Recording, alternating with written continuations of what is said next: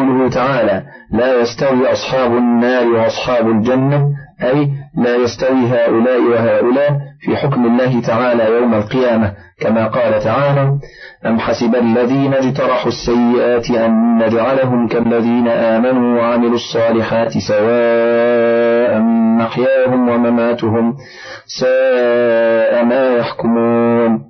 وقال تعالى وما يستوي الأعمى والبصير والذين آمنوا وعملوا الصالحات ولا المسيء قليلا ما تتذكرون وقال تعالى أم نجعل الذين آمنوا وعملوا الصالحات كالمفسدين في الأرض؟ أم نجعل المتقين كالفجار? في آيات أخرى دالات على أن الله تعالى يكرم الأبرار ويهين الفجار. ولهذا قال تعالى ها هنا أصحاب الجنة.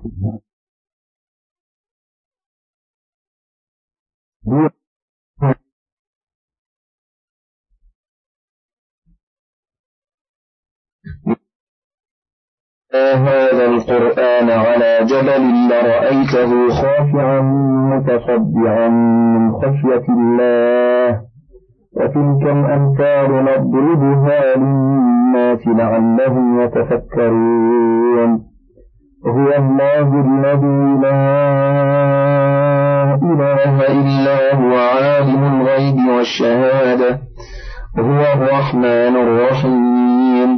هو الله الذي لا إله إلا هو الملك القدوس السلام. الملك القدوس السلام المؤمن المهيمن العزيز الجبار المتكبر. سبحان الله عما يشركون.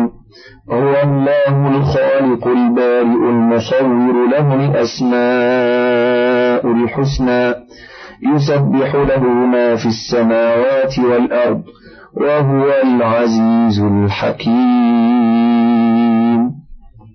يقول تعالى معظما لأمر القرآن ومبينا علو قدره وأنه ينبغي أن تخشع له القلوب وتتصدع عند سماعه لما فيه من الوعد الحق والوعيد الأكيد.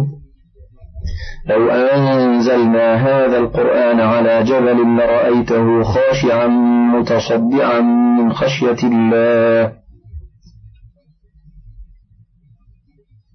أي فإذا كان الجبل في غلظته وقساوته لو فهم هذا القرآن فتدبر ما فيه لخشع وتصدع من خوف الله عز وجل.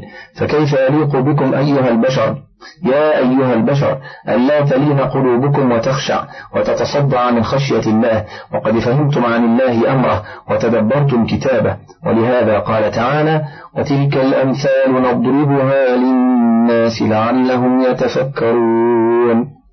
قال الأوفي عن ابن عباس في قوله تعالى لو أنزلنا هذا القرآن على جبل لرأيته خاشعا متصدعا إلى آخرها. يقول لو أني أنزلت هذا القرآن على جبل حملته إياه لتصدع وخشع من ثقله ومن خشية الله. فأمر الله الناس إذا نزل عليهم القرآن أن يأخذوه بالخشية الشديدة والتخشع. ثم قال تعالى وتلك الأمثال نضربها للناس لعلهم يتفكرون. وكذا قال قتادة وابن جرير. وقد ثبت في الحديث المتواتر أن رسول الله صلى الله عليه وسلم لما عمي له المنبر وقد كان يوم الخطبة يقف إلى جانب جذع من جذوع المسجد فلما وضع المنبر أول ما وضع وجاء النبي صلى الله عليه وسلم ليخطب فجاوز الجذع إلى نحو المنبر. فعند ذلك حن الجذع وجعل يئن كما يئن الصبي الذي يسكت لما كان يسمع من الذكر والوحي عنده. ففي بعض روايات هذا الحديث قال الحسن البصري بعد إيراده فأنتم أحق أن تشتاقوا إلى رسول الله صلى الله عليه وسلم من الجزع.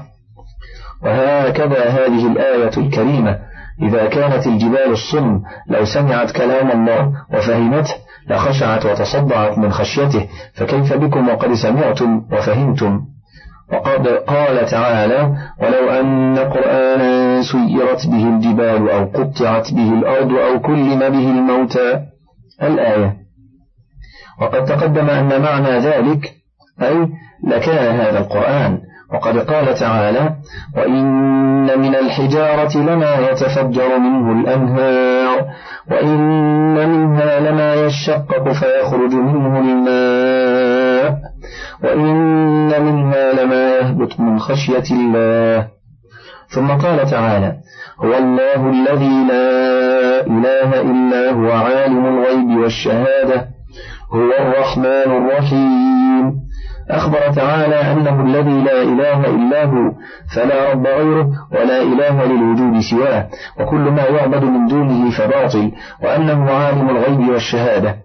أي يعلم جميع الكائنات المشاهدات لنا والغائبات عنا. فلا يخفى عليه شيء في الأرض ولا في السماء من جليل وحقير وصغير وكبير حتى الذر في الظلمات.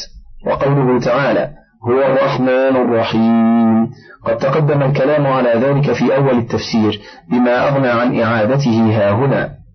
والمراد أنه ذو الرحمة الواسعة الشاملة لجميع المخلوقات فهو رحمن الدنيا والآخرة ورحيمهما. وقد قال تعالى ورحمتي وسعت كل شيء. وقال تعالى كتب ربكم على نفسه الرحمة. وقال تعالى قل بفضل الله وبرحمته فبذلك فليفرحوا هو خير مما يجمعون.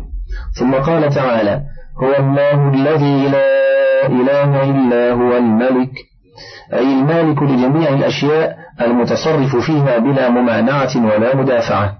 وقوله تعالى القدوس. قال وهب بن منبه أي الطاهر. وقال مجاهد وقتادة أي المبارك. وقال ابن جريج تقدسه الملائكة الكرام. السلام أي من جميع العيوب والنقائص لكماله في ذاته وصفاته وأفعاله. وقوله تعالى المؤمن قال الضحاك عن ابن عباس أي أمن خلقه من أن يظلمهم. وقال قتادة أمن بقوله إنه حق.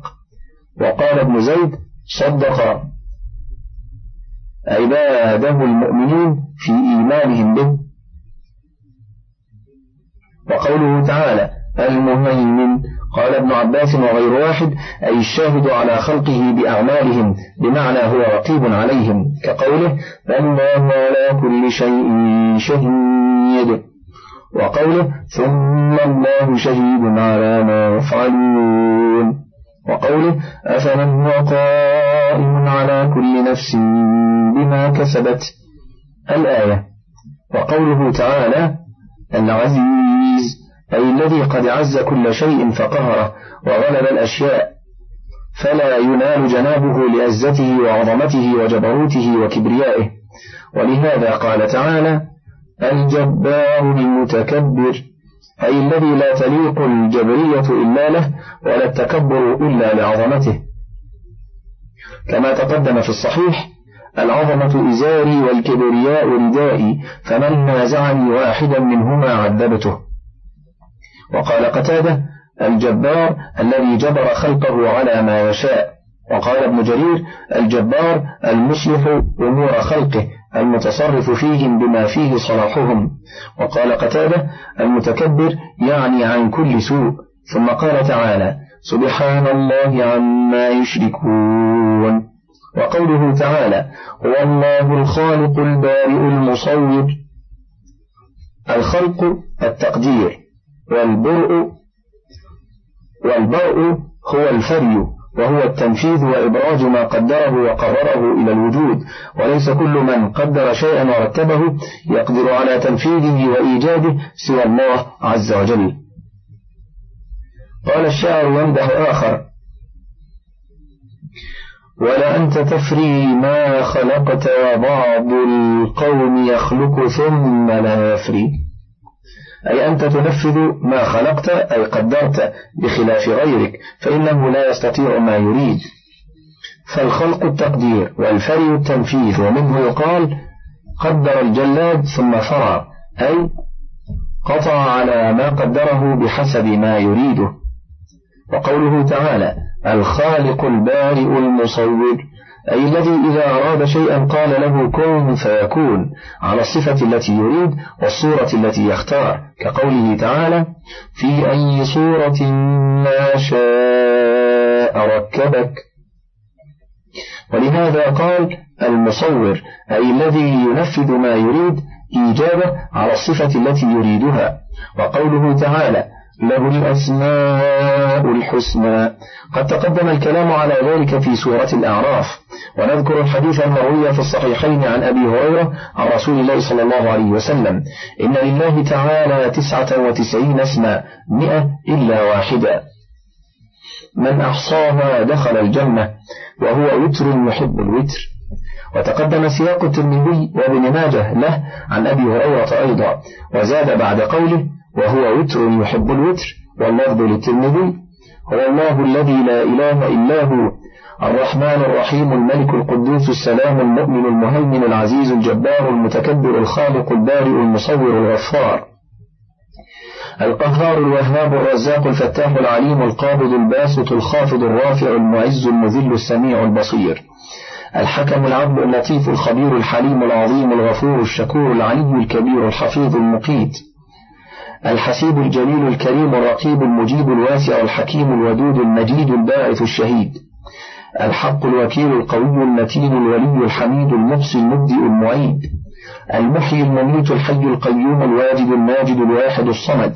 القادر المقتدر المقدم المؤخر الأول الآخر الظاهر الباطن. الوالي المتعالي البر التواب المنتقم العفو الرؤوف.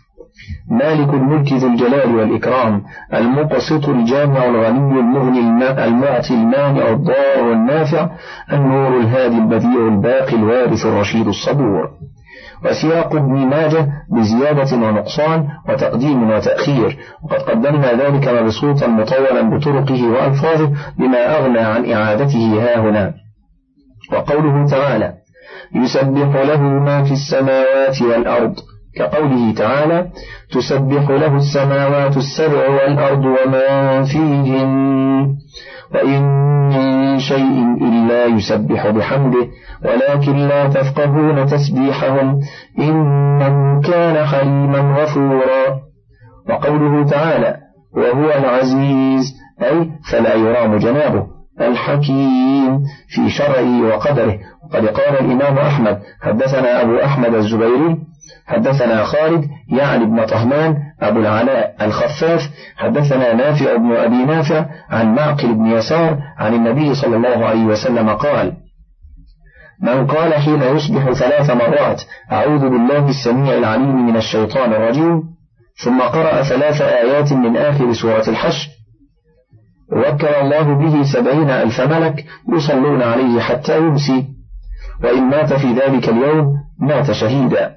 ومن قالها حين يمسي كان بتلك المنزلة. ورواه الترمذي عن محمود بن غيلان عن أبي أحمد الزبيري به. وقال غريب لا نعرفه إلا من هذا الوجه. آخر تفسير سورة الحشر. ولله الحمد والمنة. وفيما تبقى من الشريط إليكم ما تيسر من تفسير سورة الممتحنة. تفسير سورة الممتحنة وهي مدنية. الصفحة الرابعة والأربعون والثلاثمائة.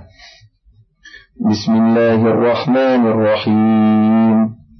يا أيها الذين آمنوا لا تتخذوا عدوي وعدوكم أولياء تلقون إليهم تلقون إليهم بالمودة وقد كفروا بما جاءكم من الحق يخرجون. يخرجون الرسول وإياكم أن تؤمنوا بالله ربكم. إن كنتم خرجتم جهادا في سبيلي وابتغاء مرضاتي. تسرون إليهم بالمودة وأنا أعلم بما أخفيتم وما أعلنتم ومن يفعله منكم فقد ضل سواء السبيل إن يثقفوكم يكونوا لكم أعداء ويبسطوا ويبسطوا إليكم أيديهم وألسنتهم بالسوء وودوا وودوا لو تكفرون. لن تنفعكم أرحامكم ولا أولادكم يوم القيامة يفصل بينكم. والله بما تعملون بصير. كان سبب نزول صدر هذه السورة الكريمة. قصة حاطب ابن أبي بلتعة. وذلك أن حاطب هذا كان رجلا من المهاجرين وكان من أهل بدر أيضا. وكان له بمكة أولاد ومال ولم يكن من قريش أنفسهم بل كان حليفا لعثمان. فلما عزم رسول الله صلى الله عليه وسلم على فتح مكة لما نقض أهلها العهد فأمر النبي صلى الله عليه وسلم المسلمين بالتجهيز لغزوهم وقال اللهم عم عليهم خبرنا. فعمد حاطب هذا فكتب كتابا وبعثه مع امرأة من قريش إلى أهل مكة يعلمهم بما عزم عليه رسول الله صلى الله عليه وسلم من من غزوهم ليتخذ بذلك عندهم يدا. فأطلع الله تعالى على ذلك رسول الله صلى الله عليه وسلم استجابة لدعائه فبعث في أثر المرأة فأخذ الكتاب منها وهذا بين في هذا الحديث المتفق على صحته. قال الإمام أحمد حدثنا سفيان عن عمه أخبرني حسن بن محمد بن علي أخبرني عبد الله بن أبي رافع وقال مرة إن عبيد الله ابن أبي رافع أخبره أنه سمع علي رضي الله عنه يقول بعثني رسول الله صلى الله عليه وسلم أنا والزبير والمقداد فقال انطلقوا حتى تأتوا روضة خاخ فإن بها ضعينا معها كتاب فخذوه منا فانطلقنا تعادي بنا خيلنا حتى أتينا الروضة فإذا نحن بالضعينة. قلنا أخرجي الكتاب. قالت ما معي كتاب؟ قلنا لتخرجن الكتاب أو لتلقين الثياب. قال فأخرجت الكتاب من عقاصها فأخذنا الكتاب فأتينا به رسول الله صلى الله عليه وسلم. فإذا فيه من حاطب ابن أبي بلتعة إلى أناس من المشركين بمكة يخبرهم ببعض أمر رسول الله صلى الله عليه وسلم. فقال رسول الله صلى الله عليه وسلم يا حاطب ما هذا؟ قال لا تعجل علي إني كنت امرأ ملصقا في قريش ولم أكن من أنفسهم. وكان من معك من المهاجرين لهم قرابات يحمون أهليهم بمكة. فأحببت إذ فاتني ذلك من النسب فيهم أن أتخذ فيهم يدا يحمون بها قرابتي. وما فعلت ذلك كفرا ولا ارتدادا عن ديني ولا رضا بالكفر بعد الإسلام. فقال رسول الله صلى الله عليه وسلم إنه صدقكم. فقال عمر دعني أضرب عنق هذا المنافق. فقال رسول الله صلى الله عليه وسلم إنه قد شهد بدرا وما يدريك لعل الله اطلع إلى أهل بدر فقال اعملوا ما شئتم فقد غفرت لكم. وهكذا أخرجه الجماعة إلا ابن ماجه من غير وجه عن سفيان بن عيينة به وزاد البخاري في كتاب المغازي فأنزل الله السورة. يا أيها الذين آمنوا لا تتخذوا عدوي وعدوكم أولياء. وقال في كتاب التفسير قال عمرو ونزلت فيه يا أيها الذين آمنوا لا تتخذوا عدوي وعدوكم أولياء. وقال لا أدري الآية في الحديث. أو قال عمرو قال البخاري قال علي يعني ابن المديني قيل لسفيان في هذا نزلت لا تتخذوا عدوي وعدوكم أولياء. فقال سفيان هذا من حديث الناس حفظته من عمرو ما تركت منه حرفا ولا أرى أحدا حفظه غيري. وقد أخرجه في الصحيحين من حديث حصين بن عبد الرحمن عن سعد بن عبيدة عن أبي عبد الرحمن السلمي عن علي قال بعثني رسول الله صلى الله عليه وسلم وأبا مرثد والزبير بن العوام وكلنا فارس. وقال انطلقوا حتى تأتوا روضة خاخ فإن بها امرأة من المشركين معها كتاب من حاطب بن أبي بلتع إلى المشركين. فأدركناها تسير على بعير لها حيث قال رسول الله صلى الله عليه وسلم فقلنا الكتاب فقالت ما معي كتاب؟ فأنخناها فالتمسنا فلم نر كتابا فقلنا ما كذب رسول الله صلى الله عليه وسلم لتخرجن الكتاب أو لندردنك فلما رأت الجبة أهوت إلى حجزتها وهي محتجزة بكساء فأخرجته. فانطلقنا بها إلى رسول الله صلى الله عليه وسلم. فقال عمر يا رسول الله قد خان الله ورسوله والمؤمنين فدعني لأضرب عنقه. فقال النبي صلى الله عليه وسلم ما حملك على ما صنعت.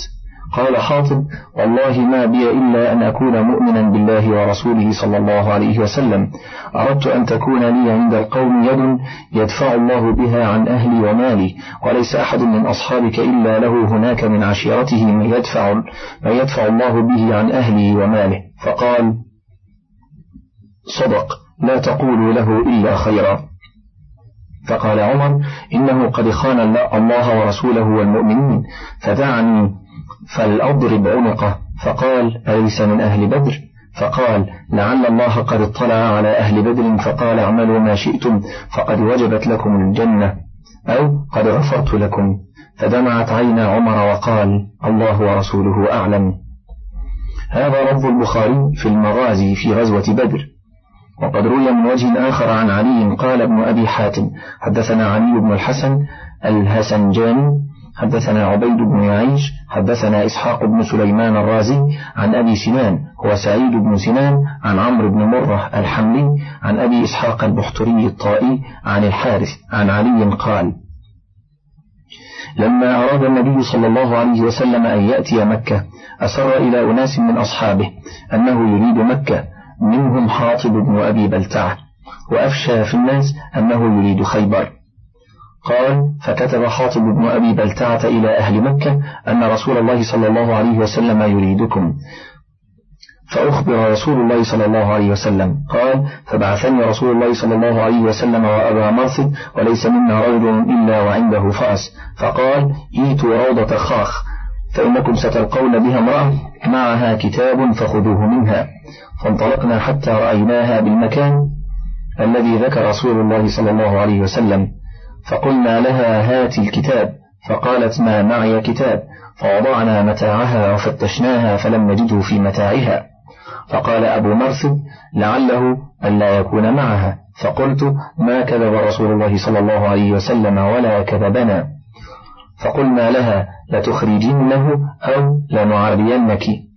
فقالت أما تتقون الله؟ ألستم مسلمين؟ فقلنا لتخرجنه أو لنعرينك. قال عمرو بن مرة فأخرجته من حجزتها وقال حبيب بن أبي ثابت أخرجته من قبلها فأتينا به رسول الله صلى الله عليه وسلم فإذا الكتاب من حاطب بن أبي بلتعة. فقام عمر فقال يا رسول الله خان الله ورسوله فأذلي فلأضرب عنقه. فقال رسول الله صلى الله عليه وسلم أليس قد شهد بدرا؟ قالوا بلى. قال عمر بلى. ولكنه قد نكث وظاهر أعداءك عليك. فقال رسول الله صلى الله عليه وسلم فلعل الله اطلع على أهل بدر فقال اعملوا ما شئتم إني بما تعملون بصير. ففاضت عينا عمر وقال الله ورسوله أعلم. فأرسل رسول الله صلى الله عليه وسلم إلى حاطب فقال يا حاطب ما حملك على ما صنعت؟ فقال يا رسول الله إني كنت امرأ ملصقا في قريش وكان لي بها مال وأهل. ولم يكن من أصحابك أحد إلا وله بمكة من يمنع أهله وماله. فكتبت بذلك إليهم ووالله يا رسول الله إني لمؤمن بالله ورسوله. فقال رسول الله صلى الله عليه وسلم صدق حاطب فلا تقولوا لحاطب إلا خيرا. وقال حبيب بن أبي ثابت فأنزل الله تعالى يا أيها الذين آمنوا لا تتخذوا عدوي وعدوكم أولياء تلقون إليهم بالمودة. الآية. وهكذا رواه ابن جرير عن ابن حميد عن مهران عن أبي سنان سعيد بن سنان بإسناده مثله. وقد ذكر ذلك أصحاب المغازي والسير. فقال محمد بن إسحاق بن يسار في السيرة حدثني محمد بن جعفر ابن الزبير عن عروة بن الزبير وغيره من علمائنا قال لما أجمع رسول الله صلى الله عليه وسلم السير إلى مكة كتب حاطب بن أبي بلتعة كتابا إلى قريش يخبرهم بالذي أجمع عليه رسول الله صلى الله عليه وسلم من الأمر في السير إليهم.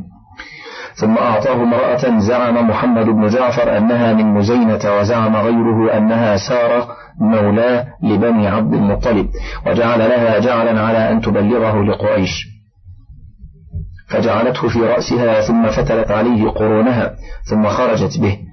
وأتى رسول الله صلى الله عليه وسلم الخبر من السماء بما صنع حاطب فبعث علي بن أبي طالب والزبير بن العوام.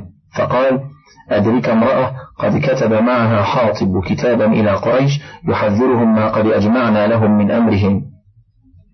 فخرج حتى أدركاها بالحليفة حليفة بني أبي أحمد فاستنزلاها بالحليفة فالتمسا في رحلها فلم يجد شيئا. فقال لها علي بن أبي طالب إني أحلف بالله ما كذب رسول الله وما كذبنا ولا تخرجن لنا هذا الكتاب أو لنكشفنك. فلما رأت الجد منه قالت أعرض. فأعرض. فحلت قرون رأسها فاستخرجت الكتاب منها فدفعته إليه فأتى به رسول الله صلى الله عليه وسلم. فدعا رسول الله صلى الله عليه وسلم حاطبا فقال يا حاطب ما حملك على هذا؟ فقال يا رسول الله أما والله إني لمؤمن بالله وبرسوله ما غيرت ولا بدلت ولكني كنت امرأ ليس لي في القوم من أهل ولا عشيرة. وكان لي بين أظهرهم ولد وأهل فصانعتهم عليه.